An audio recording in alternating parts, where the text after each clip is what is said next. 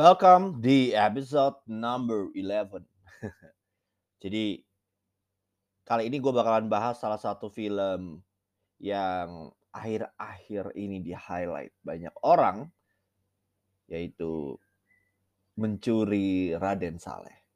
Film ini film Indonesia yang pasti ya dan ada hal yang membuat gue curious karena kadang gue penasaran apakah ketika marketing segitu gencarnya apakah film ini sebagus yang diomongin karena beberapa case banyak sekali film Indonesia yang ketika ada press con, press release atau lagi apa ya diwawancarain interview itu sering kali nggak meet sama ekspektasi.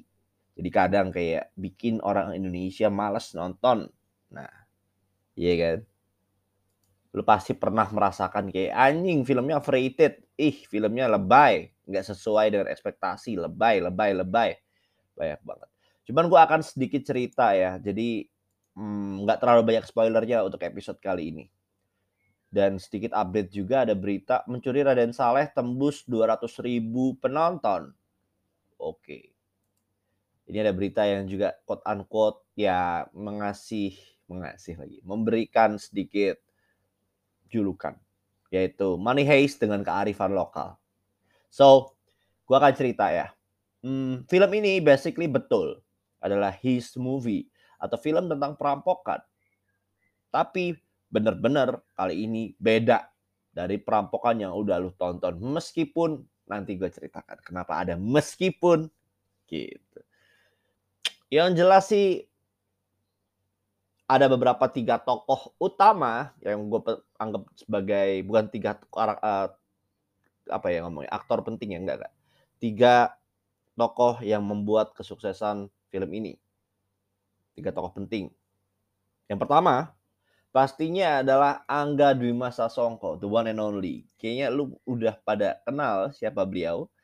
Beliau awalnya terkenal sebagai Astrada yang juga pemeran di 2005 nih filmnya nih uh, di film catatan akhir sekolah. Tahu kan? Catatan akhir sekolah. Cuman ya sukses sekali beliau ini. Banyak sekali filmnya yang luar biasa lakunya. Dan lu pasti tahu kalau gue sebutin film-film yang sudah diproduce sama Angga Dwi Masa Songko ada Jelangkung 3, Jomblo, lalu ada Filosofi Kopi, Love for Sale, Love for Sale 2, Story of Kali. Banyak banget sih sebenarnya. Dan yang sekarang adalah the one and only mencuri Raden Saleh. Ini film bagus banget bos. Dan ini kayaknya dia bener-bener put the heart into this movie. Oke, aku bilang ini bagus banget. Ntar gue ceritain bagusnya kenapa.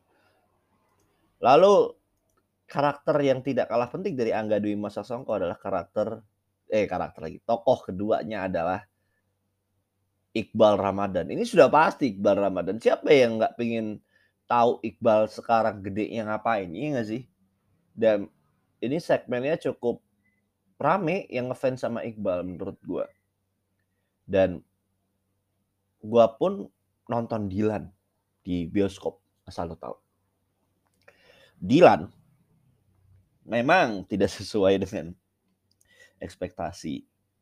Tapi gue nonton kan, yang penting kan nonton kan. Iya dong. Tapi kali ini gue nonton Mencuri Raden Saleh, intinya cukup melebihi ekspektasi gue. Mengingat gue nonton Dilan, jadi mungkin ekspektasi gue menurun. Tapi ketika gue nonton Mencuri Raden Saleh, ini ngomongnya case-nya Iqbal ya. Itu cukup bah gitu lah. Box gitu. Apaan nih gitu. dan tokoh terpenting ketiga tebak siapa? Lu pasti ngira ini kan? Angga Yunanda. Enggak bukan. Justru ada tokoh terpenting ketiganya datang dari supporting actor. Karena sebenarnya ini tokoh utamanya kan memang Iqbal Ramadan dan Angga Yunanda harusnya juga supporting actor ya. Tapi ya tapi so-so lah ya kepopularitasan dua orang ini meskipun lebih ke Iqbal. Yaitu tokoh ketiganya Umay Syahab guys. Gua kasih tahu dikit ya. Umay itu bikin film ini tidak cringe. Nih, gue kasih clue. Umay tidak apa ya? Ya berusaha untuk membuat film ini tidak cringe. Itu Umay perannya. Menurut gue aktingnya luar biasa baiknya di sini. Dan akhirnya gitu kayak, wah ini nih. Kita kan tahu ya, kecil itu dia sering banget ketika kita lagi makan ayam KFC, mukanya nongol mulu di TV KFC. Anjing nih anak anak lagi nih, anak lagi nih. Ya itu pasti pasti gitu kan. Ya dia lagi dia lagi nih yang di uh, di TV. Di TV KFC maksudnya ya. Itu kayak kita pernah ada di momen kalau lu seumuran gua ke KFC makan ayam, gumoh lihat muka si Umay Syahab mulu tuh. Si Umay penyanyi cilik waktu itu. Dan Umay udah bertumbuh dewasa menjadi menurut gua aktor yang sangat amat matang. Sangat amat matang. Meskipun namanya tidak seterkenal Iqbal, tapi dia sangat penting di film ini. Gitu. So, sebelum gua masuk ke film, pastinya gua akan mengingatkan ke lu semua jangan langsung play. Silahkan nonton dulu. Karena apa? Karena FYI, spoiler alert, spoiler alert spoiler alert. Gitu. Spoiler alert ya. Jadi gua mau nggak mau akan menceritakan sedikit spoiler di sini. Meskipun tidak semua. Tidak semua. Jadi balik ke filmnya. Yaitu mencuri Raden Saleh yang basically this movie is all about heist heist itu apa perampokan film-film perampokan apa sih yang lu tahu bahkan bukan film deh, series pasti lu mengkaitkannya dengan Money Heist. Pasti kagak mungkin enggak Money Heist. Tapi it's a little bit unfair kalau kita membandingkan ke Money Heist. Kenapa? Karena itu for long seasons. Ini cuma satu movie. Oke? Okay? This is just one movie. Lu nggak bisa compare ke Money Heist.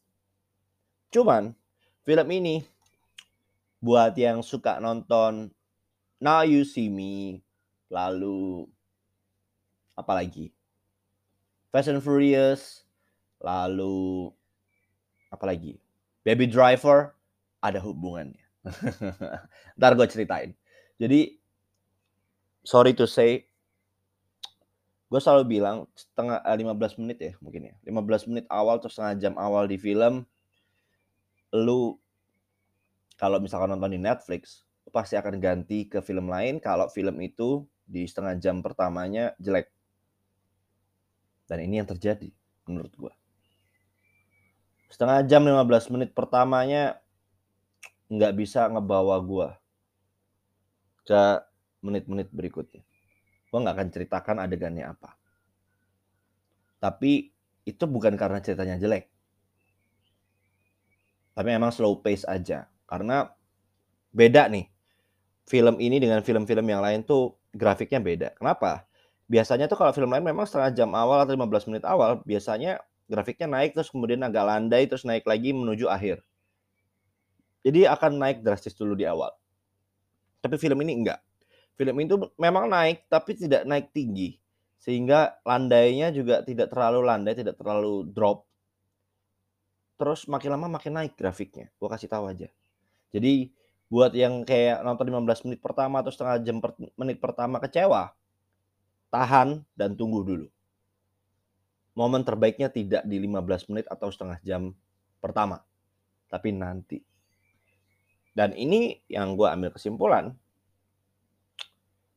film ini agak panjang. Buat yang tidak suka nonton film panjang, ini nggak rekomen. Film ini panjang sekali. Dan Hmm, gimana ya ngomongnya ya? Memang kalau dari segi cerita, tiba-tiba di terakhir tuh kayak semua kayak dipukulin gitu. Bagus-bagusnya di terakhir semua, tapi terlalu padat menurut gua. Kenapa kok nggak dicicil dulu? Gua nggak ngerti. Apakah memang dari sisi Angga Sasongkonya ingin menunjukkan skill ya atau gimana? Cuman sekali lagi, gue cuma bisa bilang film ini itu cukup panjang karena durasinya 2 jam 34 menit. Panjang banget untuk film Indonesia. Dan plot terakhirnya itu kayak bener-bener lo lo lo lo lo lo lo lo gitu. Itu beneran lo lo lo lo lo lo yang terakhir itu. Karena bahkan sampai setengah perjalanan film, itu berjalan sangat lambat filmnya menurut gua. Dan banyak adegan-adegan yang cringe. Ini gua harus note ya, sorry to say, Iqbal masih dengan persona Iqbal ya dan persona Dilan ya dan gua kayak not really got the emotion from Iqbal. Cuman sekedar nama besar. Yang diperparah Angga Yunanda, gue nggak ngerti dia apa gunanya di situ. Dan gue kayak, aduh. Tapi gue paham dari sisi Angga Sasongko. Ini gue kasih tahu. Lalu ada yang selanjutnya kan tidak sebesar nama dua orang ini ya. Iqbal dan Angga Yunanda. Yaitu ada Ari Irham, ada Umay Shahab, ada Rachel Amanda, lalu ada Akhini Haq. Oke. Okay. Empat nama lainnya tidak sebesar nama Angga dan nama Iqbal. Tapi itu marketing kan. Ya gue ngerti alasannya. Kenapa kok mereka dipilih. Alias kenapa Angga Dwi Mas Sasongko memilih aktor dan aktris ini. Karena menurut gue aktingnya sih so-so ya. Karena yang bagus malah Umay. Bagus banget, nggak cringe. Beneran. Lo harus tonton. Tapi ya Iqbal penting role-nya. Dan menurut gue tidak jelek aktingnya tapi ada cringe-nya. Tapi Angga Yunanda banyak sekali cringe-nya. Karena gue tuh merasa aneh ya. Ini kan Haste, film perampokan. Angga Yunandanya tuh kayak cowok kok cantik banget gitu gue ngerasanya justru si Akhini haknya yang lebih maskulin menurut gue apakah memang diporsikan seperti itu atau enggak gue nggak tahu karena gue bukan director gue bukan penulisnya lu silakan clarify ke Angga Sasongko karena menurut gue kayak hmm, gitulah dan jadi ceritanya kurang lebih Iqbal itu adalah seorang pelukis yang mampu memberikan skillnya untuk mengcopy atau mengimitasi lukisan aslinya. Dan ini hal baru ya. Gue tidak pernah merasa menonton Hist yang seperti ini karena Hist itu hmm, lebih tentang uang, lebih tentang emas, berlian gitu kan. This is lukisan. This is paint. Lukisan. Lukisan guys. Kerennya itu film ini. Jadi kita kayak quote unquote dibawa menghargai sejarah yaitu siapa Raden Saleh. Akhirnya gue googling. Ini yang menurut gue kerennya film ini. Dan juga di situ diceritakan tentang ada proses mengimitasi si lukisan dari Iqbalnya sebagai pelukisnya, Angga Yunandanya yang mencari informasi tentang uh, lukisan itu. Berapa kali direstorasi segala macam dan itu yang menurut gue keren dan keren dari sisi penulisan. Tapi makanya untuk Angga Yunandanya itu gue kayak ngerasa agak agak duh lu jadi masih kayak bocah lu kan hacker ya? Dan not so nerdy but you're so apa ya talkative ya menurut gue ya? Karena nggak fit the profile kalau menurut gue ini hacker banyak bacot. Gimana sih? Ya kita tahu lah ya orang-orang yang sering ngobrol sama komputer kan nggak terlalu sering bacot ya lebih introvert ya. Dan itu menurut gue pengkarakterannya kayak ah sayang gitu. Tapi film ini kerennya adalah lo dibawa diproses untuk gimana memasukkan lukisan terus menjual lukisan palsu ini ke penjual dan itu ada konflik dan ada ayahnya di penjara segala macam itu ada konflik yang berujung akhirnya membawa yang karena gue awalnya mengira ini harusnya haste filmnya. Tapi kok cuma men, uh, memasukkan lukisan doang ternyata setelah satu jam berjalan barulah itu mulai ke konflik berikutnya ke problem berikutnya ke isu berikutnya. Yang isu pertama itu tentang pemalsuan lukisan doang. Yang berikutnya adalah tentang pencurian lukisan terbesar dan termahal sepanjang sejarah. That's the good thing of this movie. Satu jam tentang pemalsuan lukisan satu jam berikutnya tentang pencurian. Dan sehingga dia harus merekrut orang-orangnya. Kalau dilihat proporsinya kurang lebih seperti Fast and Furious. Ada hacker, ada handyman. Tapi nggak banyak yang action, nggak banyak yang berantem memang. Karena nggak bisa berantem semua nih menurut gua orang-orangnya. Dan adegannya cukup ngingetin gua ke Fast and Furious beberapa kali dan itu perfectly cut ya. Maksudnya perfectly gathered ya adegan-adegannya itu ya. Kayak ada tabrakan-tabrakannya, gue menurut gue oke, okay, oke okay sekali. Dan ya ada beberapa menurut gua kurang, tapi nggak terlalu kurang karena itu minor. Bukan gua tahu lokasinya ya, oh ini di SCBD, oh ini di Prigen Pasuruan gitu ya, dekat Taman Safari. Dan kayak, "Wah jauh banget ya." Tapi tapi nyambunginnya mulus menurut gua, nggak terlalu dragging.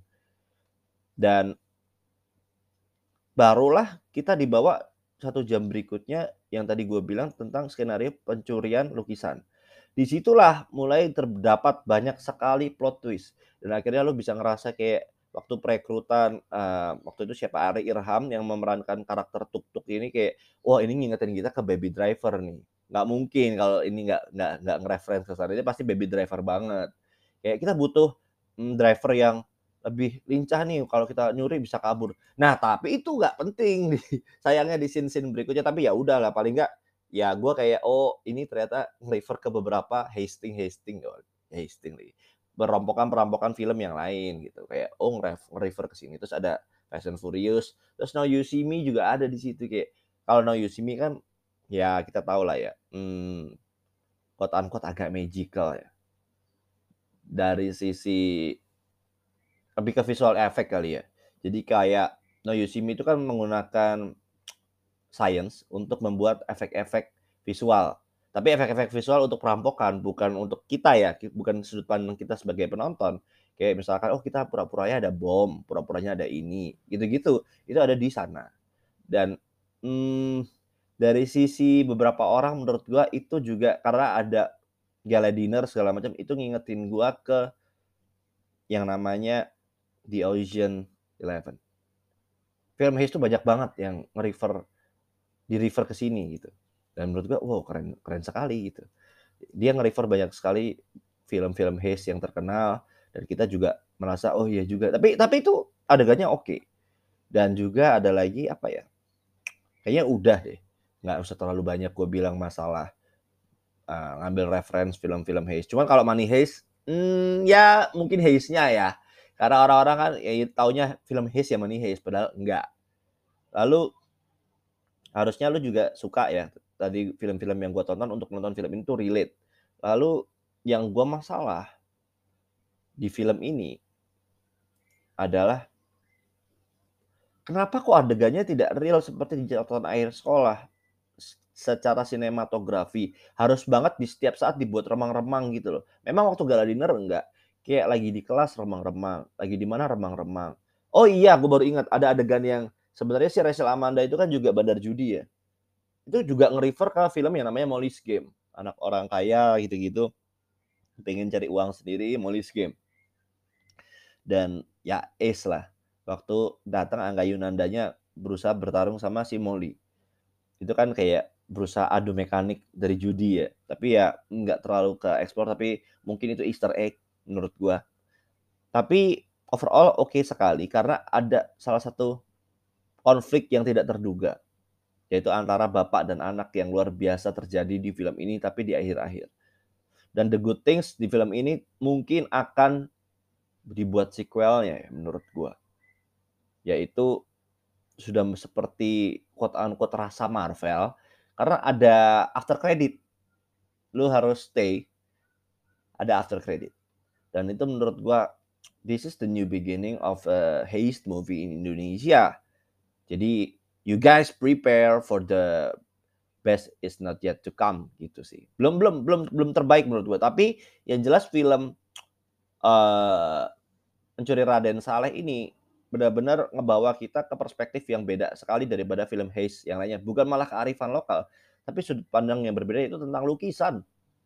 Gua nggak ngerti awalnya ini lukisan sepenting apa gitu. Dan ada sejarah-sejarahnya yang dibahas gitu, yang menurut gua itu easy to digest ya. Quote unquote kalau kita mengingat seperti di mana ya, seperti di Da Vinci Code dan itu oke sekali, nggak nggak masalah. Dan menurut gua film ini cukup kompleks, buat lu yang otaknya juga males mikir mah agak agak memuakkan film ini. Tapi ada satu hal yang gua sayangkan, satu hal lagi lebih tepatnya. Film ini tuh pede banget, cuman orang Indonesia sekali lagi lack of appreciation kalau lu lihat di Tix. Itu film Pencuri Raden Saleh itu suka ngambil studio yang size-nya besar, yang ada 3 row, mid, right, left gitu ya. Tapi kosong mulu, itu yang gue sayangkan. Kenapa gitu? Cuman gue berharap ya at least film ini rate 1 juta.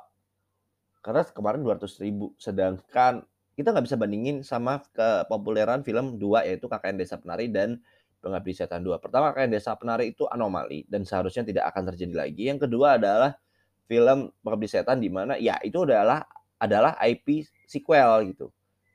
Pengabdi Setan yang pertama udah rame. Dan ini menurut gua adalah sebuah fundamental stories yang cukup untuk dilanjutkan ke sequel dan lebih gue berharap filmnya nggak terlalu bertele-tele dan panjang ya. Ini lu berasa dua setengah dua setengah jam men. Itu lama sekali harus nonton film ini. Jadi you guys prepare bawa popcorn, beli jajanan ya kalau di XX1 karena ini lumayan panjang filmnya dan gue nggak siap. Jadi sempat kayak kayak ngantuk-ngantuk dikit tapi nggak ketiduran thanks God ya. Jadi you guys jangan lupa beli popcorn dan lain-lain. Oke? Okay? So you guys harus nonton film ini, harus nonton karena film ini over ekspektasi dan banyak bagusnya, banyak sekali bagusnya. Yang terakhir satu jam berikutnya itu satu setengah jam terakhirnya itu sangat-sangat indah film ini, sangat-sangat indah. Tapi memang grafiknya seperti itu di satu jam awal agak slow pace Lu semua jangan lupa ya untuk terus sukseskan film anak bangsa dan apresiasi film-film seperti ini. Bye semuanya. Dadah. Ciao. Eh, terakhir, gue lupa. Film ini kan di rating di IMDb setengah, tapi gue kayak nggak terlalu bisa bilang ini film setengah. Mungkin kalau 7,8 masih oke okay sih. Dan menurut gue film ini oke okay banget buat lo tonton. Bye-bye semuanya. Stay safe. Dadah.